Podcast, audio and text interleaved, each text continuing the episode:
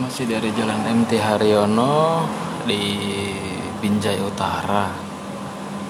Sebenarnya membuat apa ya podcast-podcast seperti ini tujuan utama atau dasarnya pengen buat teman-teman uh, tahu informasi, bertukar pikiran, sharing tentang hal-hal yang uh, ada di sekitar kita baik tentang individu-individu ataupun kelompok yang ada e, tentunya biar maju sih biar lebih baik lagi dari hari ke hari.